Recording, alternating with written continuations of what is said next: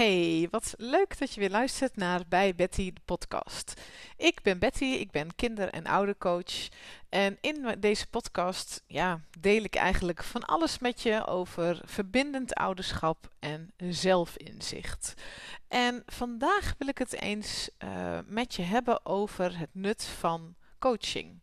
In de zin van, uh, ik zat daar laatst eens over na te denken en een van mijn klanten zei dit tegen mij. Ze zei, weet je, eigenlijk is het toch best wel gek dat uh, het in onze maatschappij heel erg normaal is dat wij om de acht weken naar de kapper gaan en daar nou best wel wat geld uitgeven. Uh, we gaan lekker naar de schoonheidsspecialisten. Uh, we kopen best wel kleding die we helemaal niet per se nodig hebben. Maar coaching, daar, dat, daar willen we eigenlijk geen geld aan uitgeven. Dat vinden we taboe misschien, ook lastig om over te praten. Hoe komt dat toch? En ik was het helemaal met haar eens, want mij uh, valt dat ook op. Uh, ik heb wel het idee overigens dat dat echt wel hè, in 2023 nu, dat daar best wel een uh, verandering aan het, in aan het komen is. Uh, maar hulp zoeken voor uh, ja, hoe je zelf in elkaar zit, dat vinden we lastig. Als we pijn hebben en we moeten naar de huisarts, dan doen we dat. Maar als wij zelf in onszelf of in ons gezin ergens tegenaan lopen, dan, ja, dan zijn we daar toch wat vermijdend in. Het, het, voelt toch als een soort van zwaktebod om daar een hulp bij te vragen. En ik vind dat toch best wel bijzonder, want als ik dan kijk naar de vrouwen en de kinderen in mijn praktijk die hier komen de stappen die ze maken zelf, hè, want ja, ik, ik ben er en ik doe wat ik, wat ik doe, maar um, de vrouwen en de kinderen die hier komen, die, ja, die doen zelf, die maken zelf natuurlijk die verandering. Dat doe je zelf met een beetje hulp van mij. En dat geeft gewoon zoveel rust. Echt zoveel rust. En zoveel zelfvertrouwen ook. Want dat je het zelf doet, maakt dus ook dat je daar zelfvertrouwen van krijgt.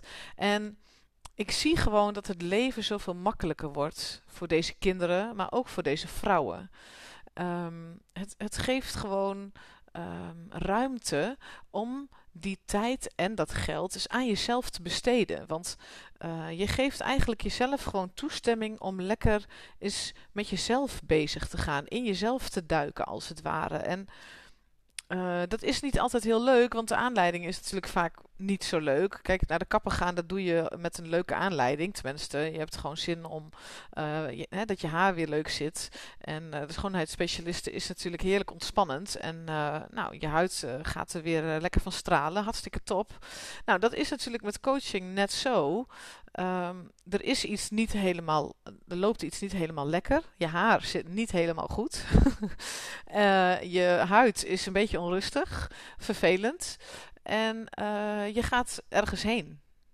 Uh, en nou ja, kijk, je kunt ook naar een schoonheidsspecialiste en naar een kapper gaan. Gewoon omdat het fijn is, omdat het ontspannend is, omdat het iets voor jezelf is. En dat is met een coach net zo.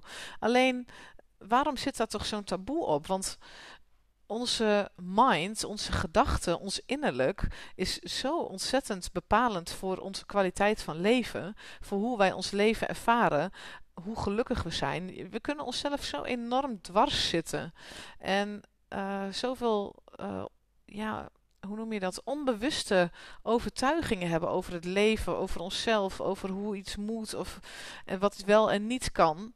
En tijdens coaching kom je daarachter. Tijdens coaching ga je graven in jezelf met hulp. Uh, en kom je er gewoon achter dat echt niet alles, en dit is misschien, misschien wist je dit al, maar misschien is dit ook wel nieuw voor je. Niet alles wat je denkt is waar, namelijk. Heel veel dingen die in jou zich afspelen zijn gewoon um, een, een resultaat van je opvoeding en je levenservaring. En uh, de overtuigingen en de blokkades die je hebt opgebouwd in jezelf. En heel veel reacties die wij geven komen vanuit um, nou, dat we onszelf ergens voor willen beschermen. Dat we bang zijn om buiten de boot te vallen, om er niet bij te horen. Of nou ja, noem maar op. Er zijn zoveel overtuigingen waar we last van kunnen hebben. Maar heel veel van onze reacties komen daar vandaan. Van oude patronen, uh, van dingen die we in onze jeugd hebben meegemaakt. En ehm, ja, dat beperkt ons gewoon best wel vaak. Daar kunnen we best wel eens last van hebben. En mensen houden, laten zich daar ook wel door tegenhouden. En dat is natuurlijk best gewoon heel erg zonde. Terwijl, ehm, ja, coaching is kortdurend. En uh, het kan je zoveel brengen, die korte tijd, die paar uurtjes aan jezelf besteden, die, die, dat geld aan jezelf besteden. Uh, het kan je zoveel vrijheid in jezelf geven. Want het grappige is dat um, heel veel vrouwen ja, ook kinderen hebben dat ook heel erg overigens. Die dan hier komen. Dan, dan, nou ja, dan hebben we één of twee sessies gehad, drie. En dan komen ze terug en dan vraag ik, nou, hoe is het? En nou, hè, hoe, hoe voel je je? En dan zeggen ze, ja, ja, ik, ik, voel me gewoon eigenlijk heel goed. Maar ja, ik weet eigenlijk niet waarom. en, want tijdens zo'n sessie doen wij echt geen spannende, enge, uh, vervelende, uh, heftige dingen of zo, weet je. Het is gewoon eigenlijk heel veel praten. En ik ben altijd wel op zoek naar dat onderbewuste, waar dus die patronen en die blokkades liggen. En daar gaan we dan mee aan de slag. En dat maakt dat jij zelf als persoon niet zozeer verandert. Jouw karakter is natuurlijk gewoon wat, wie je bent, maar in jezelf komt er gewoon rust. En dat is de grote winst hiervan. En dat is ook wat ik terugkrijg van mijn klanten in mijn praktijk. Ze maken zich niet meer zo druk.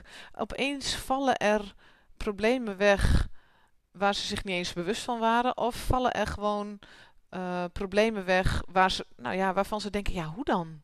Ze reageren ineens anders in situaties. Ze maken zich niet zo druk meer om iets. Um, ja, dat, ik, ik kan moeilijk. Uh, ik vind het moeilijk om voorbeelden te noemen van mijn praktijk, omdat ik um, geen privacy wil schenden. Weet je, dus ik wil niet een voorbeeld noemen die te her herleiden valt naar, uh, naar iemand. Dus dat maakt het een beetje lastig. Maar ik hoop wel zonder voorbeelden dat je me ook goed kunt volgen. Dat het. Um, ja, mijn punt is eigenlijk gewoon: waarom zit er nog een taboe op uh, hulp vragen voor je mentale stuk, voor je innerlijke stuk. Want we doen dat wel voor ons uiterlijk. Maar waarom niet voor ons innerlijk? Want ons innerlijk, daar moeten we de rest van ons leven mee door, weet je wel. Uh, wij praten de hele dag door tegen onszelf in ons hoofd. De hele dag door gaan die gedachten maar door. En hoe fijn is het als je daar wat meer rust in kunt vinden. En ook je gevoelens natuurlijk. Want je gevoelens en je gedachten zijn gewoon wel aan elkaar gekoppeld. Uh, meestal krijg je een gedachte die een bepaald gevoel triggert. Uh, bij kinderen gebruik ik altijd een fijn voorbeeld uit, uh, uit het boekje Gedachtenkracht. Daar zie je dan uh, twee kinderen die bij een hond staan. En de ene jongen denkt: Oh, wat een schattig hondje. En die voelt zich fijn. En, en het meisje denkt: Ah, wat een enge hond. En die voelt zich bang. Nou ja, dat is ook hoe het bij ons werkt. Alleen. Um, heel vaak heel subtiel. Want onze gedachten gaan supersnel en um, komen ook vanuit dus allemaal oude ervaringen, dat je soms niet eens precies door hebt wat je denkt, waar je dat gevoel dan van krijgt. Dat is ook helemaal niet erg. Uh, maar um, onze gedachten zijn vaak veel, heel bepalend voor ons gevoel. En ons gevoel kan dan best wel overheersend worden natuurlijk. Want als je bang bent, uh, ja, dat, dat kan alles um, beïnvloeden, angst. Het kan ervoor zorgen dat je heel veel dingen niet doet, uh, omdat je bang bent. Dus um, ja, weet je, dat kan je gewoon, daar kun je gewoon iets mee doen. Daar kun je gewoon mee aan de slag gaan. En dat, is, dat geeft gewoon zoveel meer plezier in het leven. En zoveel meer rust. En ook, nou ja, wat ik net ook al zei, zoveel meer zelfvertrouwen.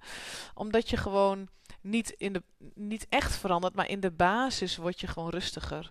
En wordt het kalmer in jezelf. En als je kalmer en rustiger in jezelf wordt, kun je ook veel makkelijker voelen wat je nou echt voelt. Dus dat, dan worden het geen gevoelens vanuit die gedachten die weer vanuit oude patronen komen. Maar dan worden het gevoelens van hé, hey, deze situatie voelt voor mij niet fijn, want uh, en dan kun je veel beter je grenzen aangeven, bijvoorbeeld, in plaats van dat je in je schulp kruipt en weg wilt rennen. Um, omdat dat een oud mechanisme van jou is, bijvoorbeeld. Hè? Dat heb je dan opgelost en dan kun je er op een andere manier mee omgaan en, en blijf je veel meer bij jezelf. En dat is ook wel echt um, ja, wat ik in mijn praktijk zoveel mogelijk doe. Um, weer terugvinden wie jij echt bent. Want als je dat weet, dan kun je veel, dus veel makkelijker voelen en weten wat bij jou past, wie jij echt bent. Dan kun je veel beter keuzes maken. En dan voel je veel meer zelfvertrouwen, want dan weet je gewoon, ja, nou, die anderen doen dat allemaal, maar dat past gewoon niet bij mij, dus ik doe dat niet. En dat voelt oké, dat voelt goed. Je gaat jezelf ook gewoon veel beter begrijpen. En laten we eerlijk zijn, in het moederschap uh, worden we natuurlijk best wel eens getriggerd door onze kinderen. Weet je, dat kan op heel veel verschillende manieren. Dat kan natuurlijk omdat het gedrag van je kind je triggert en je boos maakt of verdrietig maakt. Maar het kan ook zijn dat je bijvoorbeeld je kind in bepaalde situaties ziet die jij herkent van jezelf. Of hè, dat, je je kind, dat je kind hoopt dat je kind niet meemaakt wat jij hebt meegemaakt. En dat je daardoor uh, bepaalde acties gaat uitvoeren. Want vanuit bezorgdheid of vanuit angst ga je dan misschien wel je kind te veel beschermen of um, weet je, je gaat uh, je kind bij bepaalde situaties proberen weg te houden. Uh, om er maar voor te zorgen dat hij of zij niet gekwetst wordt. Terwijl dat eigenlijk jouw eigen angst is. Jouw eigen oude ervaringen, jouw levenservaring speelt dan mee. En heeft dan gewoon invloed op wie jij bent als moeder. En dat heeft weer enorme impact op wie jij, op, op je kinderen natuurlijk. Uh, en dat doe je niet expres, weet je, dat gaat gewoon onbewust. Maar hoe mooi is het om daar wel bewust van te worden, uh, zodat je daarmee aan de slag kunt en daar ook echt een verandering in kunt maken. En um, dat is wel heel mooi om te merken, die verandering die gaat soms gewoon ook best wel zomaar. Omdat je dus met jezelf aan het werk gaat. En omdat wij, in mijn praktijk ga ik dus echt aan het werk met dat onderbewuste.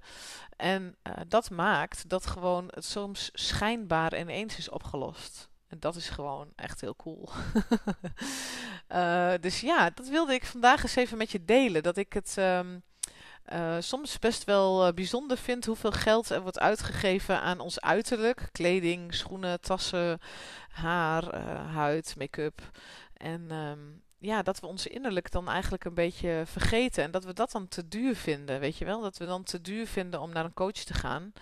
En um, ja, weet je, als je innerlijk goed zit, kun je bijvoorbeeld ook weer veel beter kiezen welke dingen voor je uiterlijk je belangrijk vindt. Want dan vind je, misschien ben je wel heel erg veel bezig met je uiterlijk, omdat je van binnen heel erg onzeker bent en je daar niet fijn bij voelt. Dus probeer je dat op de manier om je uiterlijk mooi te houden, probeer je dat te compenseren. Terwijl het natuurlijk eigenlijk gaat om hoe kun je ervoor zorgen dat je innerlijk gewoon goed in je vel zit. Dat je je fijn voelt met jezelf. Want ja, jij bent degene waar jij je hele leven mee zit opgescheept.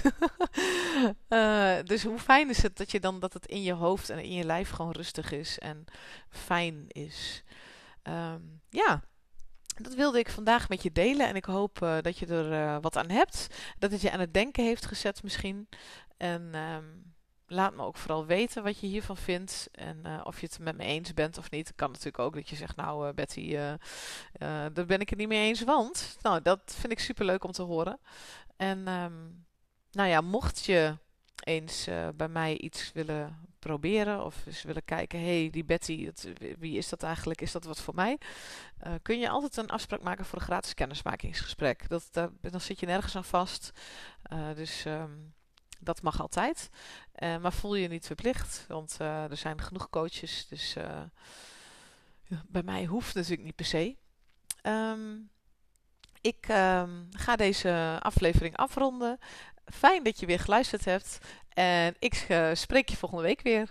Dag.